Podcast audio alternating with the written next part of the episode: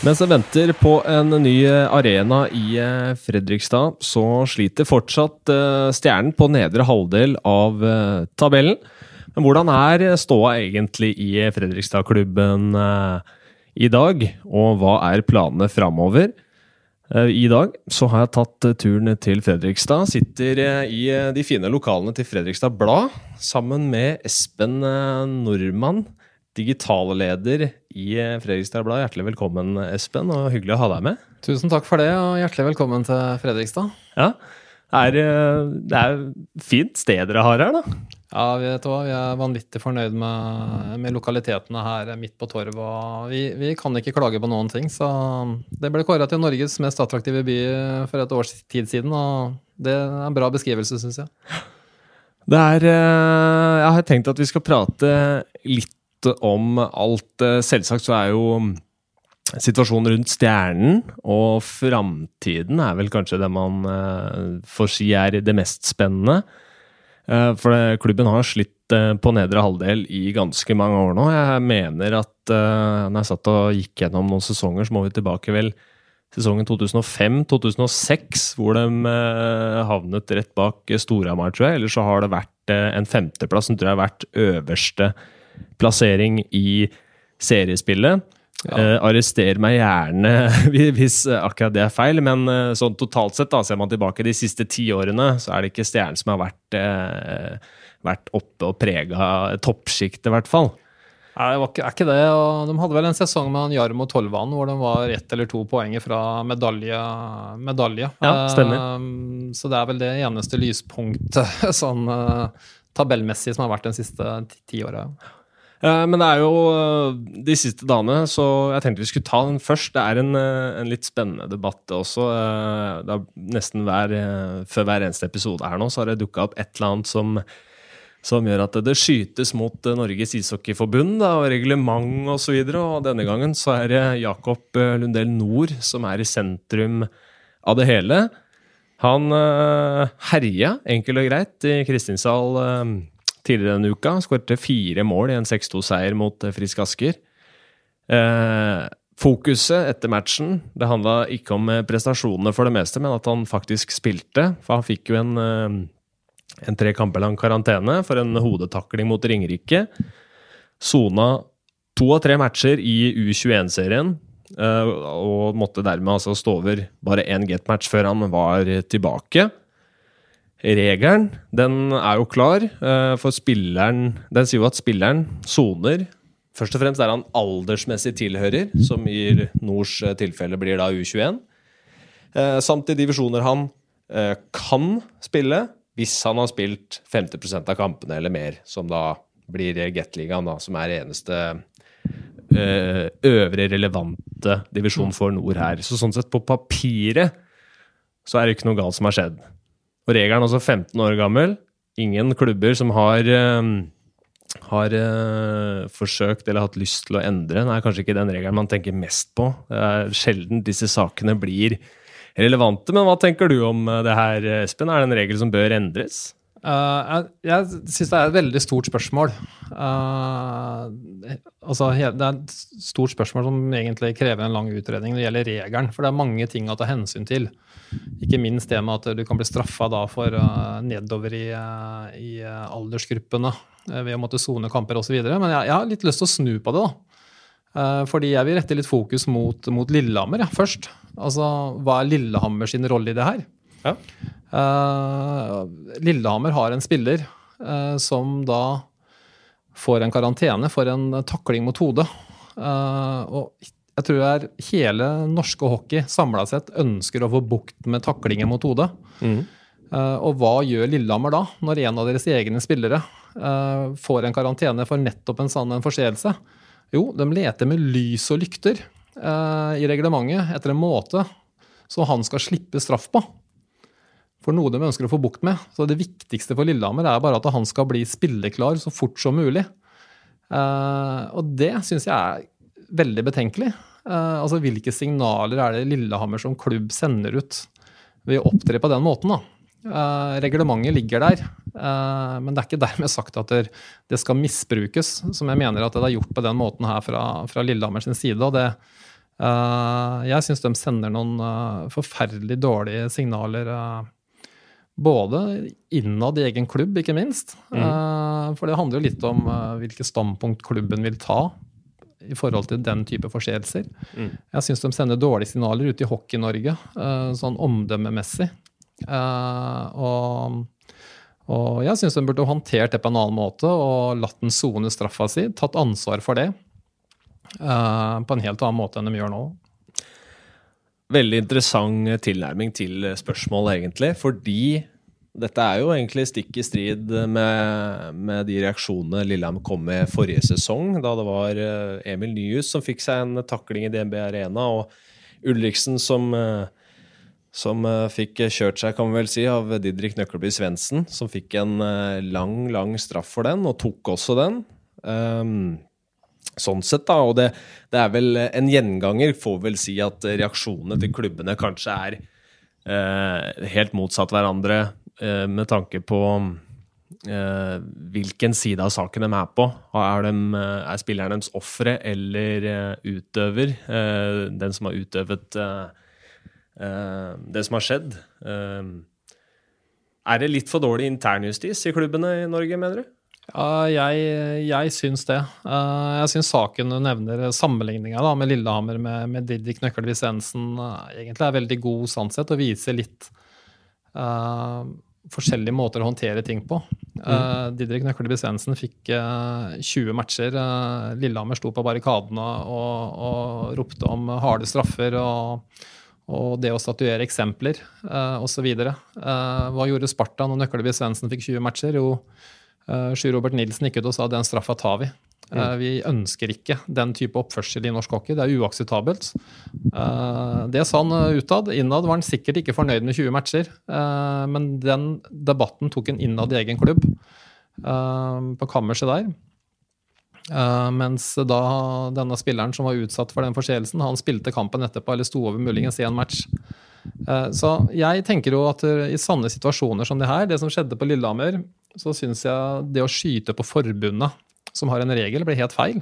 Mm. Jeg syns fokuset skal rettes inn mot klubbene. Hva kan klubbene gjøre sjøl? Uh, Lillehammer og andre klubber er ting de er misfornøyd med, eller denne type ting oppstår så bør de heller eh, kalle inn til et møte i egen klubb. Eh, sette seg ned, diskutere med ledelsen sin. Hvordan ønsker vi å framstå? Eh, hvordan skal vi løse det her? Hva kan vi gjøre sammen for å, for å få en endring? Jeg Ønsker man endrer regelverk? Ja, sette seg ned og snakke om det. da, Ta dem inn på tinget, ta det opp med forbundet og gå de rette, rette veiene. I det eksempelet her syns jeg det blir uh, det å vinne enkeltkamper blir mye mye viktigere enn det å liksom prøve å heve seg litt opp og se på det større bildet. Da, og, og få bukt med denne type skader. Um, Roger Rønneberg, mm. Frølunda-treneren ja.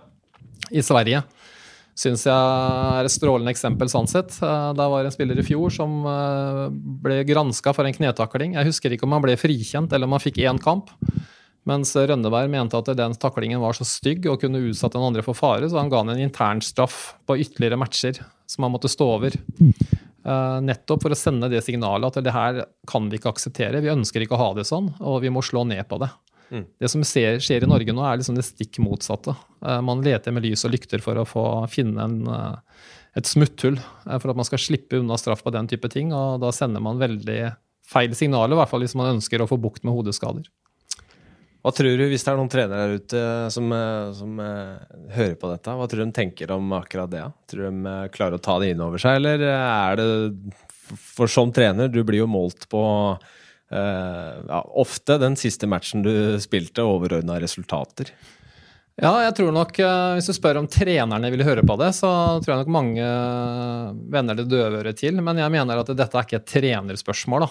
Nei bare. Jeg mener Det er et klubbspørsmål, det er et ja. norsk hockeyspørsmål. Og, og, jeg mener det sitter ansvarlige ledere i klubbene rundt i Norge uh, som har uh, spillernes sikkerhet høyt på agendaen. Det er deres egne ansatte uh, som de har et ansvar for.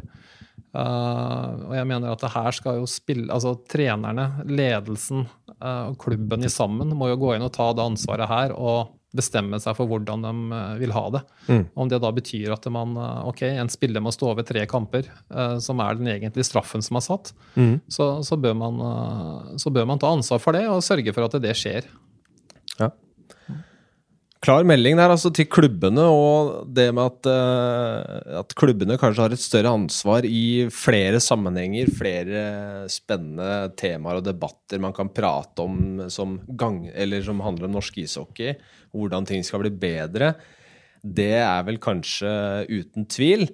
Eh, Vi skal ikke ta for oss eh, absolutt alt så nøye i dag av de andre diskusjonene. Vi har bl.a. prata om importdebatten osv. Men og det, det er helt sikkert enkelte ting som kommer til å dukke opp her under praten vår, eh, Espen. Men eh, først og fremst så har jeg også litt eh, lyst til å bli litt bedre kjent med deg, da. Ja, Eh, du kan jo, før jeg begynner å grave litt, fortelle litt om, litt om deg selv, rollen din, hva hockey er for deg. Ja, eh, født og oppvokst i Sarpsborg. Eh, spilt uh, godt ungdomsår her i Sparta Amfia i Sparta. Spilt noen år i førstedivisjon i Komet og flytta til Fredrikstad i voksen alder. Da jeg var ung, så hata jeg vel alt som var rødt og hvitt. Jeg skal innrømme det. Eh, så jeg stifta familie, og kjærligheten dro meg til Fredrikstad. og Fått uh, to flotte sønner, hvorav en spiller Er det en sånn Romeo og Julie-historie av moderne tid? Nei, men jeg kan si det at det er, det er faktisk eh, fryktelig krevende å, å, å være fra Sarpsborg og, å, være i forhold med ei jente fra Fredrikstad. Ja. Fordi uh, det her er jo helt utafor det som vi skal snakke om, men, eh, men når jeg er hos eh, svigerforeldrene mine i Fredrikstad, så får jeg tyn for at jeg er fra Sarpsborg. Ja. Og når jeg er hjemme hos mine egne, så får jeg tyn for at jeg har flytta til Fredrikstad. Så jeg, det er lost case uansett. Eh, Men eh, som sagt fikk jeg en sønn, og han bor jo og er født og oppvokst i Fredrikstad. Og helt naturlig for han å begynne i Stjernen, der han har kameratene sine og, og sånne ting. Og sånn sett så har jeg blitt engasjert i den klubben og, og blitt, blitt glad i Stjernen som elsker jo ishockey. Og syns det er verdens flotteste idrett, både sportslig og med alt det den gir ved siden av. Um, og har blitt veldig glad i Stjernen som klubb og er engasjert i den uh, gjennom da uh, barna mine som har, uh, som har vært der, da. Uh, så er det jo sånn, hvor du er født og hvem som er født deg, vil alltid prege deg. Så, så innerst inne så, så dunker det også et uh, dunker det også blått og hvitt. uh. Men uh, veldig glad i ungdomsavdelingen til Stjerna.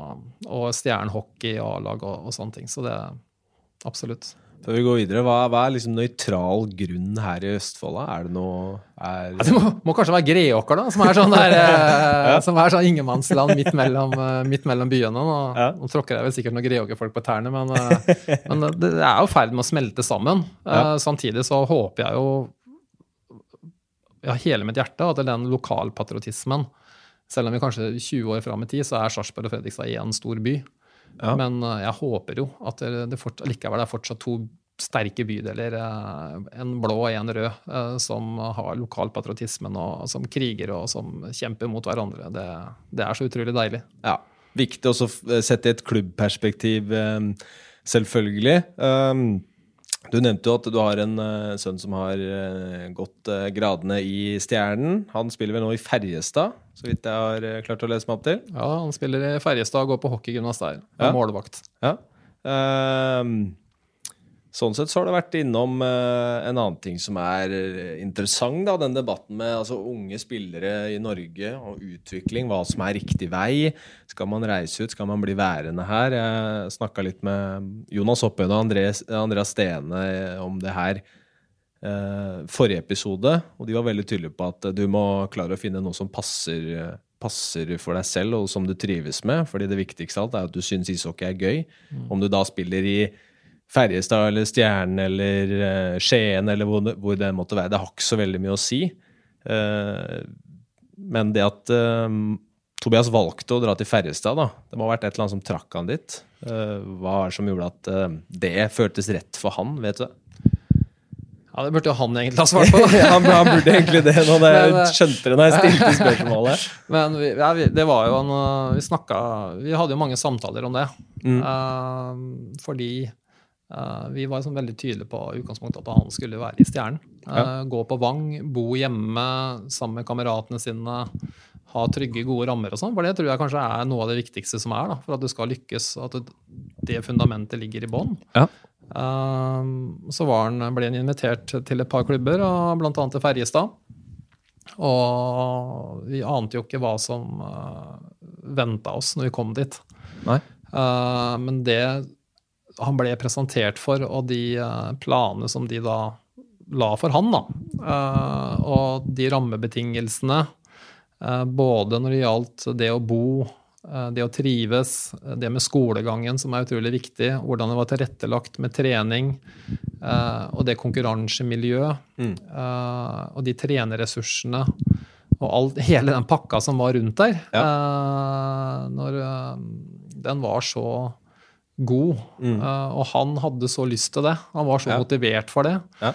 Uh, og var også der og trena med de flere ganger for å kjenne på det og bli kjent med, med spillerne og de andre i klubben. og, og sånne ting. Så, så, det var vel en prosess som vokste på han, og, og han, uh, han, følte at det, han fikk muligheten ja. til å være med i en klubb som kunne gi en helt andre en helt annen treningshverdag ja. uh, enn det han ville fått uh, her hjemme. Uh, og valgte å slå til på det. Og så må jeg da legge til da, at hverdagen her i Fredrikstad er fantastisk bra. Altså, ja. Jeg syns Vang med René Hansen i spissen gjør en fantastisk jobb. De har flotte fasiliteter, gode treningshverdager og alle mulige måter, liksom. Men det er nok den derre Jeg tror det som trigga Tobias litt, var den det nivået er høyere, sportslig nivået. Det er flere å konkurrere med. Mm. Uh, det er mange som, uh, som drar hverandre, da. Ja. Og kamphverdagen og, sånne ting. Jeg tror det var en totalen der som gjorde utslaget for hans del. Men, men ikke et vondt ord om det å gå her hjemme. Jeg tror det kjedelige svaret er jo det som passer deg best. Ja. Og Tobias følte at Sverige og Ferjestad var det som passa han best. Og det er to og en halv time unna, så vi kan fortsatt være foreldre. Og det, det var det viktige for oss, da. Ja, selvfølgelig.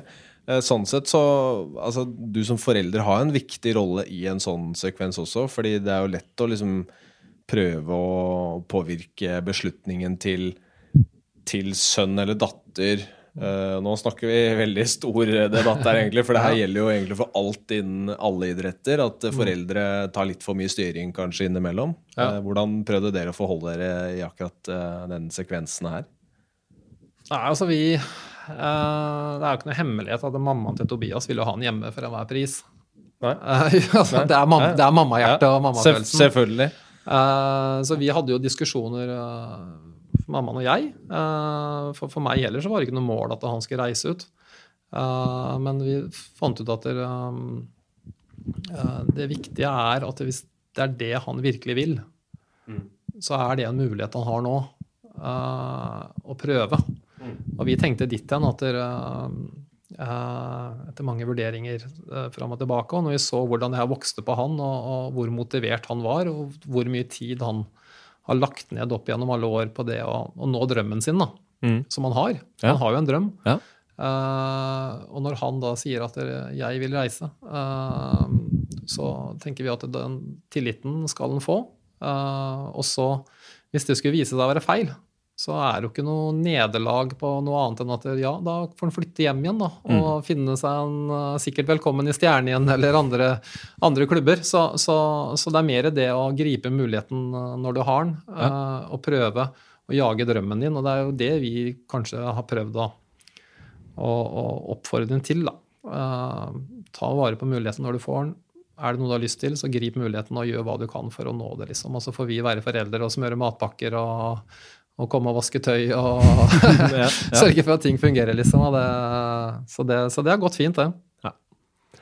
Eh, hvis vi drar uh, flytter litt fokus da, tilbake hit til, uh, til hockeymiljøet i Fredrikstad. Hvordan er livet som, som hockeyfrelst i Fredrikstad? Da? Nå har du for så vidt et uh, serpehjerte også, så litt sånn Da må du kanskje prøve å sette deg litt i andre sko, dem som har et hjerte som har banka for stjernen siden eh, dag én, da, egentlig.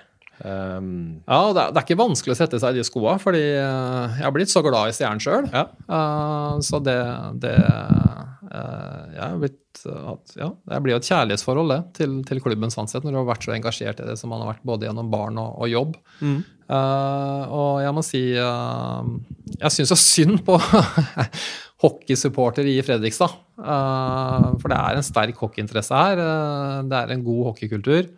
Uh, og det har jo vært en eneste lang ørkenvandring med, den siste tida, med, ja. med dårlige resultater, elendig økonomi en, en, og fasiliteter som folk ikke tror er sant. Man tror ikke er sant før man ser det når man kommer inn der. Det har vært helt under enhver kritikk. Um, det er litt så, sånn når man reiser rundt i ishallen her i landet, og enkelte steder, så tenker du hva i all verden var det de tenkte her når de skulle bygge dette? Ja, og det... Men de har stått en stund, da. De har stått en stund, og så, og så, så kan du snu på det. da, og Det er det som jeg syns er så fantastisk deilig, og, og som, som, gjør at du, du, blir så glad i det. Ja. Du, men selv med de fasilitetene, da, ja. så er det så utrolig mange dyktige folk, engasjerte mennesker, som skaper de fantastiske rammer for lek, moro, utvikling, skape resultater, realisere drømmer uh, og, og, lager da gode sportslige tilbud uh, for ungdommer uh, i de arenaene som, som, vi har. Da. Som eksempel her i Stjernehallen, hvor man da har produsert fram og fått fram gode unge spillere i en årrekke. Mm. laget har klart seg, A-laget. Ja. og nå med, med, det nye styret som kom inn for en stund siden, så har man fått orden på økonomi, administrasjon og fått de tinga på plass, liksom. Så, nå, ja. så, så, så det, er en, det, er jo en, ørkenvandring, men vi, vi, ser, jo, vi ser, jo, lyset der framme, da. Eh, ja. Med ny arena og det som, det som kommer. Uh, og da tror jeg det å eksplodere her i Fredrikstad med, med interessen. Kollega i TV 2, Endre Olav Osnes, som har kommentert noen matcher eh, i Gateligaen også denne sesongen, jeg kommenterer først og fremst fotball. Han er jo også prest og snakket uh, i, i, Premier League-podkasten til Kasper Wikestad her litt, uh, for litt siden om forventningens glede også. Mm.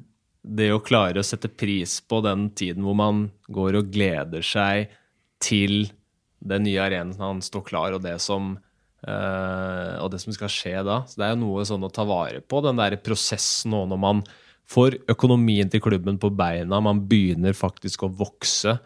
Og hvis ting gjøres riktig For mitt inntrykk er at det, det, skjer en del bra ting i Stjernen, selv om det sportslig ikke, ikke har gitt veldig store utslag de siste årene. Ja, det skjer mye. Eh, som sagt så, så har jo eh, klubbledelsen vært veldig klare på det viktigste for dem nå er å skape sunn drift. Mm. Og det å være forberedt på å komme inn en, eh, komme inn en ny arena. Uh, så, så, så, det har jo begynt å komme på plass. Mm. Uh, samtidig så, så, er jo, så, er det jo, tøft da, å ligge der nede som nummer sju-åtte. Ja. Uh, og det er langt fram. Altså, ja, altså det, det, blir lang ventetid. da. Det er som å vente på julenissen som aldri kommer. liksom, og Til slutt så sovner du. Det er sant. Men, eh, men, eh, men her er det jo nå spikra fast et, eh, et, tidspunkt der framme som arena skal stå klar. Og, og, og vi, vi, ser jo fram, fram, imot det. Men det er utrolig viktig ikke dø på veien. Fordi ja, vi må leve nå. Ja. Vi må utvikle nå. Vi må skape drift og rammer nå. Og gjøre de rette tinga. Så så det kan også fort bli sånn at man uh, hviler seg litt for mye på den. Alt blir så mye bedre ja. bare vi får ny arena. Og det, det, verden er ikke sånn. Altså, vi, må være, vi må leve fram til det og, og skape, skape, glede og entusiasme og, og, resultater og utvikling på veien fram.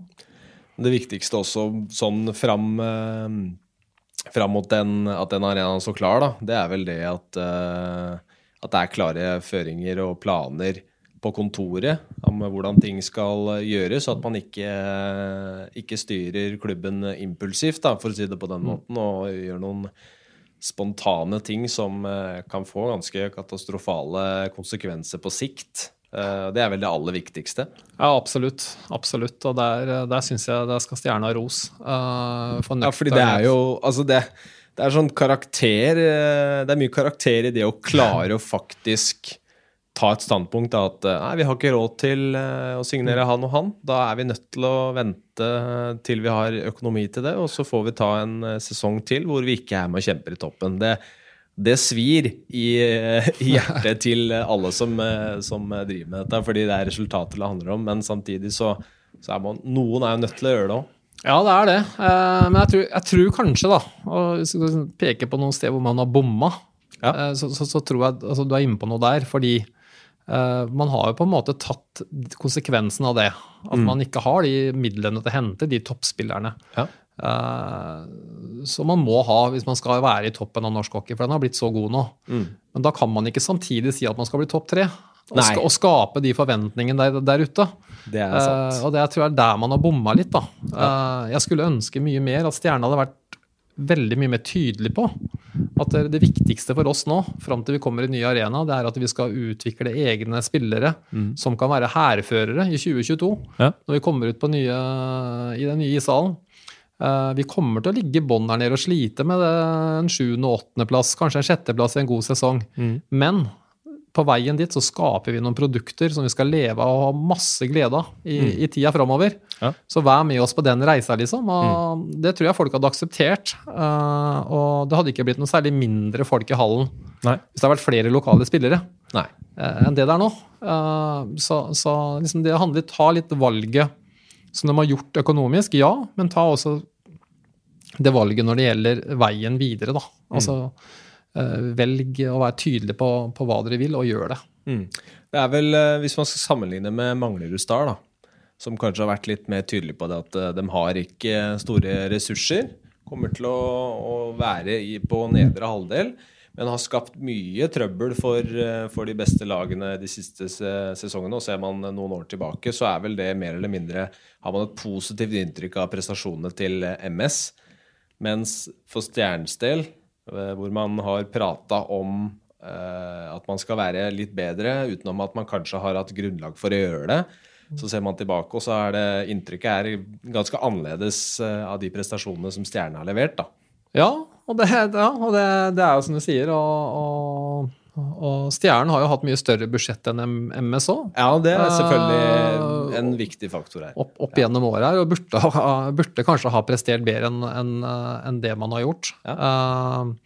så, så sånn sett, jeg er veldig imponert over det MS, eh, MS får til. Sikkert litt enklere det å være i Oslo i forhold til jobbmuligheter til spiller og, og alt det som, som er eh, rundt der. Flere spillere å ta av som man ikke, ikke trenger å skaffe bosted til og, og den type ting. Men, eh, men eh, jeg syns jo den at MS eh, imponerer meg veldig hva de får til, får til år, år, etter, eh, år etter år. Eh, så er det jo utfordringer her i, eh, i Fredrikstad. Vi kan liksom skyte på Rune Gulliksen og si at, dere, at man har bomma med, med spillekjøp osv., men til hans forsvar, da, altså, liksom, han er sportssjef i Stjernen og bor på Hamar og, og har det her som en, mer eller mindre en, en hobby, nesten. Altså, sånn, Ja. en, en, en, en godt betalt hobby, da. Uh, eh, så, så det er jo litt sånn som Stjernen som klubb. Altså, hvor, hvor vil man? Altså, hva, hva ønsker man å få ut av de midlene man har? Og, og, og det igjen tror jeg handler om et retningsvalg. da. Det er jo kanskje ikke ideelt å ha en sportssjef eh, i Fredrikstad, et lag som hører til i Fredrikstad, som bor på Hamar. Når man ser litt sånn på det. Jeg, jeg syns jo det er helt høl i huet. Eh, jeg har respekt for den jobben som Rune Gulliksen gjør. så Det handler ikke om han som person, Nei, eller sånne ting, og det er veldig viktig å understreke. Men, men det å ha en sportssjef i en klubb som Stjernen, som sier at de skal satse på unge spillere, utvikle egne spillere, og ha en sportssjef som bor på Hamar, som ikke ser en U18-kamp, som ikke ser en U20-kamp, som antageligvis eh, ikke har eh, noen forutsetninger for å gå ned og, og, og, og vurdere de unge spillerne som er i klubben der, som er under utvikling, som kommer inn på landslag, aldersbestemte landslag, og, som eh, man burde hatt en tanke med da, for å sluse videre inn i, inn i klubben. Det har han ingen forutsetninger til. og jeg vet jo, Det det er jo folk der som ikke har hilsa på han engang, eller vet eh, knapt hvem han er. Eh, og Det er klart det er en kjempeutfordring for, eh, for Stjernen som klubb, uh, ut fra den målsetningen de har. da. Ja, de ressursene kunne Det høres i hvert fall ut som de ressursene kanskje kunne brukt, blitt brukt bedre. Sånn sett, uten at vi skal ta noe fra Rune Gulliksen og, og det han gjør. fordi det, det har jeg ikke noe oversikt over. Så, men jeg regner med at han gjør jobben sin så godt han kan. Så får vi får frikjenne han, da, i hvert fall. Ja, det er, ja, det er ikke noe kritikk til han, eh, til han det. Og, og, og jeg, eh, når vi først er inne på det temaet, så tenker jeg sånn Stjernen som, eh, som klubb, som alltid har vært flinke til altså de, de har vært flinke til å, få fram gode spillere eh, i aldersbestemte klasser. Uh, vært gode på det. Men sånn som Tenk om de kunne brukt av det budsjettet, spillerbudsjettet som de har på 3-3,5 million, Mm. at de hadde brukt 300 000 av de kronene til å ansette en, en trener som kunne vært den personen som hadde ligget mellom junior og elite. Mm. Som hadde hatt den oppgaven internt i klubben med å, med å kartlegge og følge opp de spillerne som de mener er framtidige elitespillere.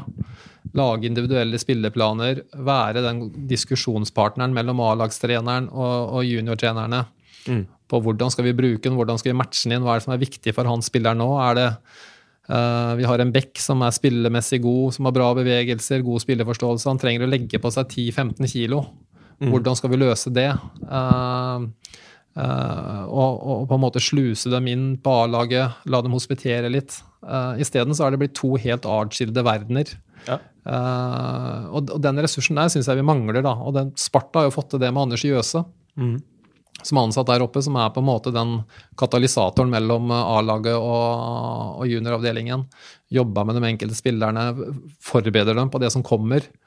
Og har de samtalene. Og den jobben er så utrolig viktig, for det er motivasjon i hverdagen. eh, Og det å gi dem klare mål, klare oppgaver på hva de skal utvikle seg på for å ta de siste stegene og sånn. Den dialogen, den nærheten og den brua inn til mellom junior og elite, den tror jeg er ekstremt viktig. Hva med altså, sånn filosofien på, på trenersiden da, i, i Stjernen, på, på Get-laget, eh, med, med Sundquist, som, eh, som gjorde en bra jobb, eh, i hvert fall mitt inntrykk. Ja, absolutt. Eh, så fikk hun tolvmannen. Jarmo Tolvannet. Ja. Et Eh, uh, hockeygeni. ja. Eh, så var det Strømberg forrige sesong, som eh, det gikk ikke helt eh, som han ønska. Eh, og så er det Bengt Åke. Eh, er litt sånn eh, Er det noe rød tråd her, eller hva tenker du om den? Nei, rød tråd er det er det jo ikke. Eh, alle du nevner nå, er jo, er jo herlige personligheter på hver sin, hver sin måte, med, med sin, ja, både styrker og svakheter, da, som alle, alle mennesker. Eh, uh, Leif Strømberg eh, var jo en feilansettelse. Eh, hvem sin skyld det var, altså hvem som ikke har levert ut fra hva man har lova på forhånd, det, det skal ikke jeg ta noe stilling til, men, men det forholdet ble også avslutta tidlig. Mm. Uh, inn kommer Bengt Åke Gustavsson, som uh, var jo et utrolig spennende navn uh, når, når det kom. Uh, sånn, kløp oss litt i armen, er det virkelig mulig? Altså, Ja, Bengt Åke ja. Gustavsson til, til Stjernen. Ja. OL-gull, altså, med Sverige som trener. Ja, VM-gull, Ja. eh, NHL, eh. Ja, absolutt. Um, utrolig spennende Ja. Uh, når han kom inn. Og, og nå har han jo virka i tre måneder, så det er, liksom, det er altfor tidlig å si altså, er det suksess eller ikke suksess. Men, uh, men uh, jeg syns, syns det var en, en fresk signering, for å si det ja, sånn. det var det. eh, Som skapte en del oppstyr og satt stjernen på hockeykartet igjen. Da. På Ja. På godt og vondt. Ja, Det er det det er for meg også. Det er jo i hvert fall et eh, signal, da. Eh, spørsmålet er om, eh, om signalet vil ha effekt på, på sikt, eller om det, er, om det er litt sånn kortsiktig valg. Jeg er veldig usikker, men nå har jeg ikke noe særlig formening heller om eh, Bengt Åkes filosofi. Men vet du, har du prata med noen om eh, det er noe, skjedd noen endringer? Eh, hvordan er miljøet i garderoben? Hvordan, hvordan jobber han med spillerne? Altså, eh, aller først da, denne effekten, Bengan-effekten, Ja. eh, tror jeg nok eh, de har merka noe på salg. liksom. Altså, Follestad kaller jo det PR-stunt å ansette Bengt Åke Gustavsson. Ja. Uh, og, og jeg tror nok, uten å kalle det for et stunt, så var det nok god PR for Stjerne å ansette Bengt Åke Gustavsson. Ingen, ingen tvil om det. Nei. Og så kan man stille seg spørsmål om eh, som eh, Bengt Åke som hans erfaring som trener er å jobbe med ferdig lag. Altså Når du har tre kroner, så snakker du ikke om utvikling, du snakker Nei. om coaching. Selvsagt. Uh, her skulle han inn uh, som en hovedtrener i, i Stjernen i tre år framover. Eh, når man i samme åndedraget sier at det viktigste for oss er å utvikle spillere, unge spillere. Ja. Så kan man, se, kan man sikkert diskutere om hans kompetanse er det optimale opp mot det man sier man ønsker på sikt. Mm. Eh, men eh, det Bengt Åke har stått for som spiller og trener, er jo en, en kompetanse og en verdi som man tar med seg inn i klubben, som er ganske unik. Og jeg tror jo og vet at det han kan trykke på da, i garderoben der nede spesielt, det er jo det å snakke med spillerne om alle de detaljene. Alt det som må til for at du skal bli god. Mm. All, liksom, hvor, det med trening, kosthold, det å være til stede, eh, det å gjøre de rette tinga, alle de detaljene som han har kunnskap om, at han prater med spillerne og, og på en måte øser av seg sjøl på, på den biten der. Ja. Eh, Det tror jeg nok han har brakt inn og, og er en stor forse eh, som han kan få med seg. Så, og så får vi se, da. Vi har ikke sett noe sånn spillemessig, noe Bengan-stil, eller liksom at spillestilen har endra seg noe voldsomt med han som sjef, eller sånn. Altså, han øh, hadde jo et rykte på seg til å være ekstremt god til å coache i overtall, undertall osv. Stjernen er jo fortsatt dårligst i Gateligaen i overtall og undertall. altså, altså, vi har vært de siste åra. Altså, Ja. så, så det er liksom ikke Jeg tror nok eh, kanskje ikke han har det mannskapet, da. Eh, som gjør at han får vist seg fram fra sin beste side under matchsituasjoner uh, og på spillestil og på alt det nå. Eh, men jeg tror nok den kompetansen han har og erfaringen han har på, på det å bli god, den tror jeg og håper jeg at vi får, får se gode resultater etter hvert. da. Ja. Så, så får vi håpe at han også nå Også han da får mer tid til å ta grep om klubben, det å engasjere seg mer inn i U21, inn i U18. Og gå i dialog med spillerne og, og på en måte engasjere seg mer og, og bruke mer av kunnskapen sin og kompetansen sin inn mot den yngre delen av stjernen som skal være framtida. Eh, Det har det ikke vært noe særlig av til nå, men som sagt, han har bare vært her i tre måneder og, og må få litt tid på seg. Ja. Hvordan er det på rekrutteringssida sånn i Stjernen med unge spillere som kommer opp? Det er, for noen år siden så ble det jo NM-gull i U20, U18 og 16 i forbundscupen der. Hvor eh, Har man klart å høste noen frukter eh, akkurat det? Nei, jeg tror eh, noe, har, noe har det jo blitt. Altså, vi har jo uh, Filip Hansen og, og Michaelsen, guttene som er med, er med fortsatt, blant annet. Eh, men jeg tror det, det med at man vant tre titler det ene året Neste året var man milevis unna Ja. å vinne. Altså, det er litt tilfeldigheter, og, og, og, og disse sluttspillene lever litt sine egne liv og sånn. Så, Ja. så jeg, jeg tror ikke man skal legge altfor mye vekt på det. Men som vi sa i stad, Stjernen har vært flinke til å få fram gode enkeltspillere. Mm. eh, Og, hatt en- god arena for utvikling i Stjernen. Eh, Det har de vært gode på. Eh, Men rekrutteringa generelt sett er jo ikke bra. Nei. Altså, vi har fasiliteter som er elendige. Vi har uh, Du skal være litt spesielt interessert som forelder da, for å ta med ungen din opp i Stjernehallen og begynne å spille hockey. Um, uh, De fleste som begynner med hockey av små barn, vel, har vel foreldre som har et forhold til ishockey fra før. Veldig mange har det, og, og, og det er forståelig, da. For det eh, så når vi, når vi begynte liksom opp i, stjerne, Stjernen altså vi, Gutta trente jo klokka til halv elleve på kvelden og skulle på skolen dagen etterpå. Uh, helga opp klokka åtte om morgenen på trening, eh, og så fikk du plutselig beskjed at en trening var flytta. Altså det det er, har vært uforutsigbart, og man uh, har samtidig da, utrolig stor respekt for de som har sjonglert. Mm. Timelister, de frivillige personene som gjør sitt beste for at den kabalen skal gå opp. Ja, Alle maser om mer, alle maser om forutsigbarhet. Ja, helt sinnssykt. Eh, Så, så, så de har gjort det beste ut av det. Men jeg tror det når man får en ny arena nå, eh, med to isflater, stabile istider, litt mer tilgjengelighet, eh, bedre fasiliteter og sånne ting, vil gjøre underverker med rekrutteringen. Og, og en større rekruttering vil jo også bety bedre rammer for utvikling, flere spillere som konkurrerer, eh, flere som er opptatt av det samme og trener sammen, og, og det gir jo resultater, det vet alle. Hallen kommer til å ligge ganske fint til også ved siden av elva her og ved siden av Fredrikstad stadion. Ja, det blir eh, et fantastisk skue. Det blir jo en byarena. Ja. Eh, og, det, og det blir et midtpunkt i, i byen her. eh, som kommer til å være masse herlig hockey, forhåpentligvis. Og messer og konserter og, og det, skal, det skal bli en folke, folkearena. Ja, sånn, nå, nå har jeg å tenke det med altså at det er en byarena med Nei, det er vel ingen eh, arenaer som kommer til å ha noe særlig mer sentral beliggenhet i bybildet eh, eh, blant hallene i Gateligaen, hvis man sammenligner. DNB Arena ligger litt på utsiden av kjernen. Uh, Jordal selvfølgelig skal ligge på Jordal, det er det mest naturlige, men ligger ikke i Oslo sentrum. Uh, Olamfin på Hamar, uh, eller CC Amfi, som det så fint heter ja. nå. Det er jo ikke midt i sentrum, det heller. Så det er jo en ting du sier der, da, at det blir en del av bybildet, og det er kult. Ja, kjempefint. Og, og, det er jo litt sånn som Fredrikstad ønsker å utvikle seg framover. Altså det å, å utvikle bykjernen, ja. eh, som har vært Jeg regner med at dere i avisa her har eh, god oversikt på, på hva liksom, de framtidige planene er? Ja, og det er nettopp utvikling av sentrum som er viktig. Og, og det skjer utrolig mye ut på verkstedområdet. Uh, og bare tenk deg den deilige følelsen her når du kan gå ned på brygga, ta med deg familien. Altså, hvem, hvem i dag? hvem, hvilken familie da er det som sitter hjemme i frokostbordet en søndag formiddag og sier at vet du hva, folkens, i dag tar vi en tur i Stjernehallen, i dag skal vi kose oss. Det skjer jo ikke. Uh, men tenk deg åssen det kan bli.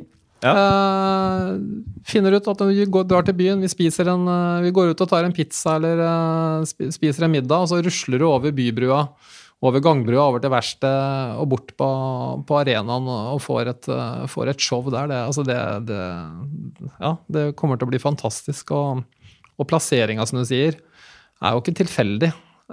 Du har Olympiatoppen, som har etablert seg på samme område. Du har Fredrikstad stadion, som ligger der. Mm. Du får en flerbrukshall som, eh, hvor det skal spilles innebandy og håndballen. Altså topphåndball eh, blir på samme stedet. Du får mm. en videregående skole der. Uh, og da Vang uh, idrettsgymnas, toppidrettsgymnaset, så det blir et kraftsenter for, uh, for idrett og utvikling ja. på ett et og samme sted. Og det, det, kommer til å få masse synergieffekter. Høres ut som idrettsparken alle klubber drømmer om, egentlig. Hvor du har alt innafor noen hundre meter. Så gjelder det bare å fylle med noen topplag, da. Ja. ja, selvfølgelig. Eller som du sier, Sarpsborg, de et breddesenter, og det, det skal vi ikke ha nå. siden du nevner Sarpsborg, da. Eh, Sparta altså sånn, jo, blir jo ansett som toppklubb, en toppklubb. Eh, og en av de, liksom, de som alltid er med og kjemper om det. har jo vært en del svingende prestasjoner også der. Men er det noe annerledes som gjør i Sparta enn i Stjernen, tror du? Eh, som gjør at det liksom Eller det, snakker vi budsjetter her, og, og forskjell, at forskjellen på lagene ligger i pengene man har til råde? Nei, budsjetter er jo alltid en viktig faktor. Eh, det går ikke an å komme utenfor, men det handler vel også om prioriteringer. Ja. tenker jeg. Altså, ja. Sparta har vært flinke nå siste året til å prioritere det å ansette ressurspersoner fast inn i driften. Både på bredde, altså ungdom, og på elite. Uh, og får, får, jo betalt for det, resultatet på det. Mm. Uh, og det som det sikrer, er jo at når man vedtar en blå tråd da, som man har i, i Sparta, tilsvarende den røde tråden som man har vedtatt i Stjernen. Selvsagt. Eh, så er det folk til å følge det opp, til å sørge for at man følger de, de intensjonene som er satt. Mm. Uh, som vi sa, Mjøse som er ansatt inn for å være både en støtte mot A-laget, men også den brobyggeren ned mot junioravdelingen. Mm. At de får de ressursene inn. Det er klart at det er, det er helt avgjørende viktig. Og det, det ser jo nå også på Sparta på er det 15 eller 16 egenutvikla spillere de har inn, eh, inn på A-laget der. Det, ja, det er faktisk det er ganske fenomenalt. ekstremt. Det er jo ikke tilfeldig. Altså, Tenk deg den, den, norske stammen av egne gutter de har ja. om eh, noen år, når gutta har blitt voksne. Ja, Det er helt, helt enestående, og det er ikke noe tilfeldig. og Det er, det er bevisste valg de har gjort, gjort, underveis, og de er ikke redde for å slippe dem til. da. Uh, og og snakka litt med Sjur Robert om det tidligere. Så man sier ok, men da kan du ikke forvente at vi skal ligge på en tredjeplass eller en annenplass. Uh, kanskje vi ligger på femte, fjerde, femteplass en sesong mm. eller to. Ja. Men tenk hva vi får igjen etterpå der. Mm. Når vi har de lokale hærførerne, de lokale spillerne som har fått utvikle seg, som har fått lov til å vokse på seg den erfaringen og, og, og som er helt nødvendig da, for å kunne ta steget inn i Gateligaen i dag. Og det, og det de er det å tørre jo, å gjøre det, syns jeg er kult. Ja, og de har jo erfart også liksom det alle kriger om, et uh, NM-gull og et seriegull osv. Hva det faktisk betyr i lengden når du gjør det ved å kjøre klubben økonomisk i grusen. Ja. Betyr ingenting, eller? Nei, det, det, gjør ikke det. Ikke noe annet enn tapt omdømme. Nei. Uh, og det, det, er jo ingen som ønsker. Så, nei, så jeg, jeg, jeg, liker den modellen, da. Og, og, det er jo en sann modell man har tegna i Stjerna. Mm. Altså, papirene fins jo der, og planene fins der, og modellen fins der. Så det handler jo litt om å, å prioritere den, da, og sette den ut i livet og, og sørge for at den blir fulgt. Mm. Sånn engasjementet rundt uh, Stjernen uh, I klubben så virker det som at uh, det gjøres en del bra ting. Det er også mye inntrykket mitt etter å ha hørt litt fra deg her nå, som regner med har bra oversikt. samtidig så konkurrerer man mot en ganske så populær aktør i FFK, ja. som nå husker, nå husker, jeg ikke helt hvordan ståa er der, med, men eh, det virker ikke som det blir noe opprykk, kanskje? Eller? Nei, det, mens vi sitter her nå, så er det snart kickoff på en kvalikmatch mot eh, KFUM. Såpass, ja. Ja så, så, de spiller kvalifisering, så de må den lange veien ja. for å rykke opp. Ja. Men her i Fredrikstad så lever det håpet helt til det er slokka. Det, så det, det, vet man ikke ennå. Men de har klart å samle altså, over 10 000 mennesker på en kamp i andredivisjon. Ja, det er jo galskap. Ja, det er galskap. Det er galskap, Og det, og det sier jo litt om idrettsinteressen og patriotismen mm. i Fredrikstad. Og FFK er jo altså Vi kan snakke om merkenavn innen uh, Idretts-Norge. Ja. Men altså, tar du en topp ti-liste, så FFK er jo glatt inne på den, uh, den lista. Altså, Når du snakker med gamle gubber i Trøndelag eller i Sogn og Fjordane, så du får jo stjerner i øynene når du snakker om FFK fra gammelt av. Ja. Uh, og, og, ikke minst her i byen så har Fredrikstad fotballklubb en utrolig standing, og det merker vi her i avisa. Sånn. så fort det går bra for FFK, så får vi bra lesertall. Altså, ja. Folk går mann av huset, og det, ja. uh, det, er en klubb de elsker, men uh, det er liksom i Bergen. Liksom. Når det går dårlig, så får de virkelig kjenne det på, på kroppen. Det er, så det er sånn hat-elsk-forhold. Ja, ikke sant. Um kunne man sett en lignende effekt kanskje da, når Stjernen får en, denne nye, fine arenaen, og det er et idrettsengasjement i byen her? At hvis Stjernen kommer seg litt opp og fram på ishockeysiden, så, så kan det eksplodere litt på, på publikumssnittet, kanskje? Ja, det er jeg helt overbevist om. Uh, for jeg tror det å gå på en moderne hockeymatch uh, i dag, med gode fasiliteter, Eh, med gode At du kan spise mat. Du blir underholdt med show på kuben. Eh, godt spill og alt det som hører med til en hockeymatch, så tror jeg garantert at folk kommer til å gå. og det, eh, Jeg vet jo at næringslivet her sitter og venter på den hallen. Altså De som jobber med Stjernen, sier jo det. Altså, ja folk sitter litt på gjerdet og venter. Da skal de være med når den nye ja. arenaen kommer. Og det vil være med dem og løfte dem til å få bedre budsjetter. Mm. Eh, til å kjøpe bedre importer. Ikke flere, men eh, bedre, håper jeg. Og at vi da har den stammen med lokaler på plass som kan, kan fylles, og vi får et bra sportslig produkt. Og da kommer Fredrikstad-folk til hallen. Er, og folk i Fredrikstad er glad i Stjerne. og Stjerne har alltid vært i topp øverste serien i hockey mm. siden den ble etablert. Mm. Så, så, det har jo god kultur for hockey her i Fredrikstad. Så det, det kommer til å fylle hallen, jeg er overbevist om. Er det 2021 som er uh... 2022. Seriestart 2022 er målet. Okay. At, uh, hallen, uh, at, hallen, skal stå ferdig. men det er en sånn reguleringsprosess som kan forsinke, da. At kommuneadministrasjonen klarer ikke å jobbe så raskt som forutsatt for å sjonglere flere, flere prosesser parallelt. Det er litt sånn komplisert, for det er skole og arenatomt skal eh, detaljreguleres. og ja. Skal det være en felles arkitektkonkurranse som skal gjennomføres, og arealdelen av kommuneplanen skal rulleres. da, sånn rulleres hvert fjerde år. Ja. Så, men skal de stå ferdig til 2022, eh, så må byggestarten være sensommeren høsten 2020.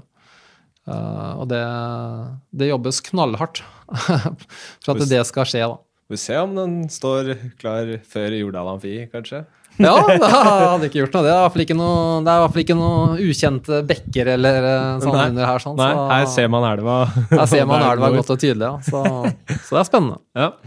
Som, eh, som en digital leder i eh, lokalavisa her, så føler man helt sikkert på der, altså det samfunnsansvaret og den rollen man har ved å dekke eh, det som skjer rundt her. Eh, samtidig så kan man fort bli en skyteskive for frustrasjon da, når ting mm. går litt gærent. Jeg vet ikke om dere har uh, følt litt på det? det um... Ja, vi gjør jo det.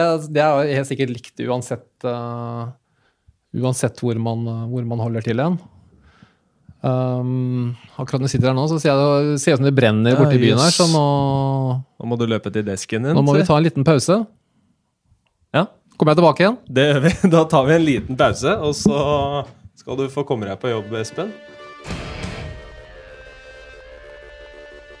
Yes. Um, Det brenner eh, noe voldsomt eh, ved siden av oss her, men eh, Og du har fått jobba litt, Espen. Da fikk jeg jo se på nært hold hvordan det er å jobbe i en lokalavis når når det dukker opp noe. Ja, det er jo helt absurd at jeg skulle begynne å brenne rett utafor vinduene her nå, men eh, sånn er det. Uh, og da helg, uh, lite folk på jobb og sånne ting, da er det alle mann til pumpene, og da, da må vi bidra. Alle mann. Ja. Så, men jeg tror vi har mer kontroll på saken nå enn det brannvesenet har på brann her, for det, det bygget tror jeg er, brenner ned. Ja, de står og spyler, men det virker som at det der lite dem får gjort, egentlig. Det Bygget er på vei ned, nesten. Ja, det er det. Det er ikke noe å le av. Men uh, ja, det var vel hockey vi skulle snakke om. Hockey vi snakka vi om, ja, eh, og vi snakka jo for så vidt om også rollen i en lokalavis. Det å være skyteskive da, for, for misnøye. Um, Du nevnte at uh, sånn er det litt, uh, litt overalt. men altså rollen din, da, hvis vi skal ta litt mer om den For en ting jeg var litt sånn interessert i Vi, vi skulle inn på eh, Altså, du er hockeypunch. Det har eh, ting du har gjort eh, gjenspeila, blant annet det med After Ice. Ja, Ja, som var en veldig kul greie som, eh, som ble starta. Eh, kan vel for så vidt kalle det litt sånn der at du, du har vært en foregangsmann når det gjelder lokaldekning av ishockey. Ja, kanskje når det gjelder video, i hvert fall. Ja. Eh, der var vi tidlig, tidlig ute med After Eyes-konseptet, som igjen var inspirert eh, fra noe jeg så i Sverige.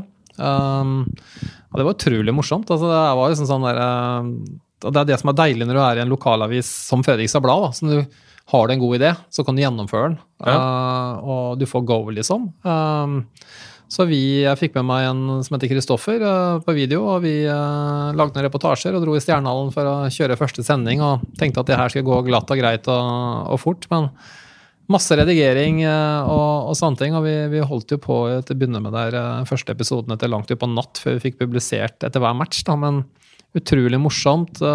nytt var det denne gangen. og veldig gode tilbakemeldinger fra supportere, trenere, spillere og folk som er engasjert i hockey. Og ikke bare her i Fredrikstad, men fra hele Hockey-Norge, egentlig. Så, så vi fikk veldig motivasjon og boost til å holde på med det, det prosjektet. Eh, og så blir det jo som, som det blir, ikke sant. Med, etter hvert så TV 2 kom på banen med sine sumosendinger og, og TV-sendinger, hockeykveld på, på TV og sånn, så og dala jo interessen for et sånn type program som vi lagde, da. Uh, så det avgikk jo sånn naturlig etter hvert uh, ved døden. Er det sånn Blir du ja, hva skal man si, frustrert over at, eh, at det blir sånn? Eller Nei. ser man litt positivt eh, på det, at eh, hockeyen generelt får større oppmerksomhet og, og få en større plass hos uh, de, de største redaksjonene? da? Jeg vet hva, Ingenting gleder meg mer enn at ishockey er så attraktivt og så populært ute at de store redaksjonene ønsker å bruke ressurser på det. Eh, Det syns jeg er helt suverent. Og så er det sånn for oss som mediebedrift at da må vi fornye oss. Da må vi finne andre produkter som vi er unike på, som vi er gode på. Eh, Og det er vi jo på det å følge stjernen. Ingen vet like mye om stjernen som oss. Ingen følger dem så tett som oss. Ingen kan så mye om stjernen som det sportsredaksjonen gjør her, med Vidar, Joakim og, og Chris, uh, Vidar Joakim og Erik i spissen. Eh, og, og, og det er det vi lever av. Eh, og så må vi fornye oss med andre typer produkter da, for, å, for å finansiere på den måten. Det har dere jo for så vidt gjort også med, med et grep som også handler om video. For mens Gateligaen eh, ruller på noen ganger på tirsdager, torsdager, lørdager og søndager, så er det hockeymandag her i Fredrikstad. Ja, mandag, mandag har vært en crap hockey da. Det skjer ingenting. Så, så da, da blir det hockey mandag. Ja, ja det, er som, det er jo like banalt det som starta After Ice, liksom. Det er um, Jeg hadde en tanke og idé som jeg fikk en søndag, på en søndag på vei eh, hjem fra Sverige, faktisk. Ja. At det, er så utrolig mange spillere i Norge, eh, spesielt i Norge, eh, som legger ned så mye tid på idretten. Og U18 og U21-hockeyen er så fantastisk morsom. å se på. Den er åpen, det er mange talenter. Det er der du ser framtidens spillere som kanskje kommer til å prege Gateligaen om noen år. Mm. Eh, noen velger å reise ut til utlandet og, og søke lykken der, og det, og det, presteres og gjøres så mye bra at jeg tenkte man, det har vært artig å vise fram det. Ja. Uh, for det er ingen som gjør. Uh, så tenkte jeg vi prøver. Så vi satte oss ned og, og snekra sammen en prøvesending, og, og tilbakemeldingene var var veldig gode der òg, og det har vært eh, hyggelig å, hyggelig å gjøre, da. Og veldig morsomt. Og jeg syns at det presteres på et så høyt nivå og legges ned så mye tid i det. Mm. Og når folk da er interessert i å se på det, så, så syns vi det er artig. Og vi har jo valgt å gjøre det her som et åpent prosjekt. Ja. Og Det betyr liksom at vi, den er ikke forbeholdt abonnenter, men alle som vil, kan gå inn og se. Og det er jo fordi at vi ønsker at unge seere, mm.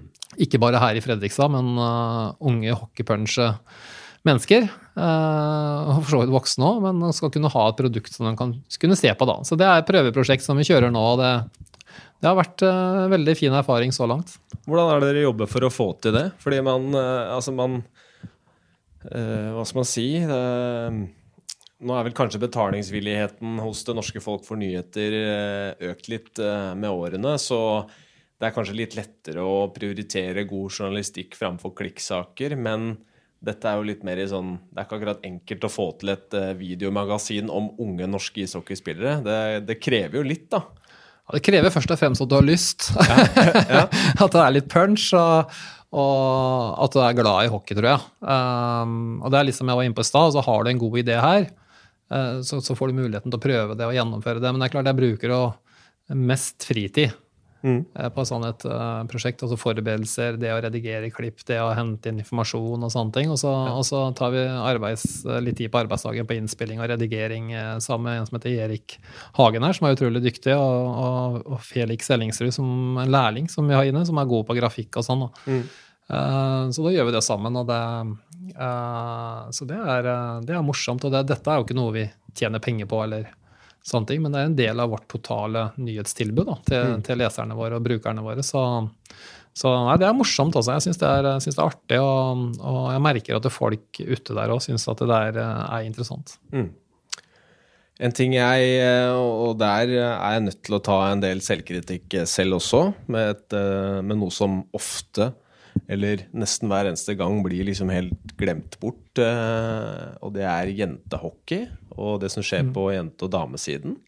Eh, hva tenker du om, om, det som skjer der? Eh, har du, noe, har du jobba noe særlig med det? Ikke veldig mye, det må jeg innrømme. Jeg har jo ikke noe jentelag i Fredrikstad. Nei. Uh, jeg har hatt med et par jenteinnslag i de Hockey Mandag-sendingene. Mm. Uh, men det har også vært matcher der vi ville ha med, men da har de ikke blitt filma, og det har ikke vært klipp. Og det gjenspeiler kanskje også litt problemet rundt det, da. Ja. Uh, og, og jentehockey i Norge er jo på frammarsj sportslig. Uh, men bredden der er jo ikke all verden ennå. så så Det er en av de tingene jeg faktisk håper inderlig kommer på banen. At flere klubber blir flinke til å løfte fram jentene, inkludere jentene og, og være proaktive for å få dem inn. Mm. Uh, og jeg, jeg, skjønner også litt sånn som er Stjerne i dag. De har én isflate, de kriger ja. om istid. det er ikke så mye rom. Og da, da skjønner jeg også det at man kanskje ikke er så proaktive. Nei, på å skape det, det blir... jentelag, men, men, de tar selvfølgelig veldig godt vare på dem som kommer. Mm. Men uh, med ny arena så, så, forventes det jo at det, blir full satsing også på jente, jentesiden. Ja, for det har vel vært litt sånn uh, hva skal man si, Det er en enkel løsning på problemet og det å liksom bruke kapasiteten. Og det veit jeg, det er selvsagt et problem. Den er allerede sprengt med de lagene som er. Uh, men det er, det er, veldig synd da at at det er en sånn gjensidig enighet i klubben at vi har dessverre ikke plass til jentelag. Det er, det er trist. Er det, det, er trist. Jeg kjenner skikkelig bismak i munnen jeg sier det, for det ja. og dårlig samvittighet. Og, og for det, hockeyen er jo for alle. Ja. Altså Uansett kjønn og legning eller hva som helst. Altså, det er en idrett som er fantastisk, og som burde være tilgjengelig for alle. Mm. Uh, og så kan de som sitter i klubben si at det er den. Alle er velkommen hit. Men det handler om å legge til rette da, eh, for mm. det. Det å være en enslig jente som må skifte på do, eller uh, liksom, det, det, er jo ikke noe kult. Så, så, og, og de vil ikke få et løft før klubbene virkelig legger til rette for det og, og lager de rammene og, og, og få ressurser på plass og, og gjør det attraktivt for jenter å være med. Da. Og det, det vet jeg at Stjernen kommer til å gjøre når de får, uh, får en ny arena. Det, det er jeg helt overbevist om. Ja. Uh, jeg tenkte um, helt sånn avslutningsvis, eh, Espen, så tenkte jeg skulle bare stille deg eh, et sånn litt mer sånn konkret spørsmål om Stjernen som klubb og veien videre. Ser du noen tydelige utfordringer for Stjernen i nærmeste framtid. Eh, sånn, som er noen sånne faresignaler for klubben. Eh, jeg har fått noen Jeg var jo som vanlig ute på Twitter og spurte om eh, følgerne som mm. Eller følgerne til to hockeyprat der, om de har noen innvendinger. Dima Smirnov, som kommenterer, eller ekspertkommentator på, på Hamar, Uh, tok opp en ting som, uh, som, jeg ser flere har liksom spurt litt om. Den der uh, spillepolitikken i Stjernen. og hvordan de vurderer den, det må de selvfølgelig få lov til å gjøre selv. Og jeg veit ikke hvor mye, hvor, hvor mye, innsikt du har der, men hva tenker du om, om det, den jobben som gjøres med å signere spillere og bygge et lag i Stjernen per nå? Nei, jeg, jeg tror vi var inne på det litt tidligere da. for det Ehm, det henger jo sammen med Jeg, jeg føler at Stjernen står litt i spagaten. da. Ja. Altså På ene siden sier man at man skal, skal utvikle Det viktigste er å utvikle egne lokale spillere for framtida. Mm. Uh, og på den andre siden så er det viktigste er å komme så høyt som mulig på, på tabellen. Og så mm. har man en sportssjef som bor på, bor på Hamar mm. og har et budsjett å forholde seg til. Uh, som ikke er det største i Gateligaen, men det er ikke noe dårlig budsjett heller. Uh, som jeg føler også henter inn spillere som litt mer på navn uh, enn på kanskje det som passer stjernens profil da, mm. til nå. Altså vi har vi henter, uh, henter en, en Eirik Børresen inn. Vi henter inn Gustavsson. Gust, Gustavsson er jo den beste signeringen de har gjort i år. Ja. Og i min bok kanskje den eneste vellykka, virkelig vellykka signeringen som, Uh, som de har gjort. For Hvis du ser på stjerna, så har du Hampus Gustavsson på Han ligger vel nummer åtte på, på skåringstoppen i, i Gateligaen totalt sett, ja. med, med, 17 poeng. Uh, så må du faktisk helt ned på plass nummer 41 før du finner neste stjernespiller på den oversikten. Og det er en Beck, en anti-Kaupila, som ligger med, ligger med ni, ni, poeng. Han har ni assist. Og så mm. kommer du på 49.-plass til Lindgren, også han Beck, mm. uh, med åtte poeng. Og Kristoffer Berge Larsen er da første forwarden etter Hampus med, med, syv poeng. Altså det, det sier seg sjøl at man ikke har lykkes med, med signeringene. Altså, så har man da fylt opp stallen med sånne halvgode, halvgode spillere. Mm. Uh, som også gjør da at stallen er full, så det er vanskelig for unge spillere å komme inn og få hospitere på trening. Uh, det å bli sett, det å få den gulrota på å komme opp og kjenne litt på det osv. Så, mm. så Så jeg kan ikke se noen Man snakker hele tida om å lage en stamme som man skal bygge på framtida. Ja. og det har jeg hørt nå i år etter år etter år. Mm. Jeg syns ikke det er noen Det er ikke noen stamme der. Vi henter inn middels gode importer. Vi henter inn tredje-fjerde rekkespillere fra andre klubber, norske, som ikke er med å løfte laget eller er med å, å, kunne utvikle dem rundt seg. Da. Og det, det syns jeg er synd. Jeg skulle mye mer heller ønske og sett at vi hadde satsa på uh, å, spissa ressursene inn på noen uh, bedre og heller færre spillere, og så kombinert det opp med egne. Eh, jeg har skrevet helt eh, til slutt her, siste spørsmål. Um, Kjente jeg ble negativ? Hvor, hvor, ja, Men, det var derfor jeg tenkte vi skulle rette blikket heller litt framover og bli litt optimistiske. Ja, ja. Det er mye hyggeligere det, ja, det er, som vanlig. Det er, men det, det er viktig å peke på det òg.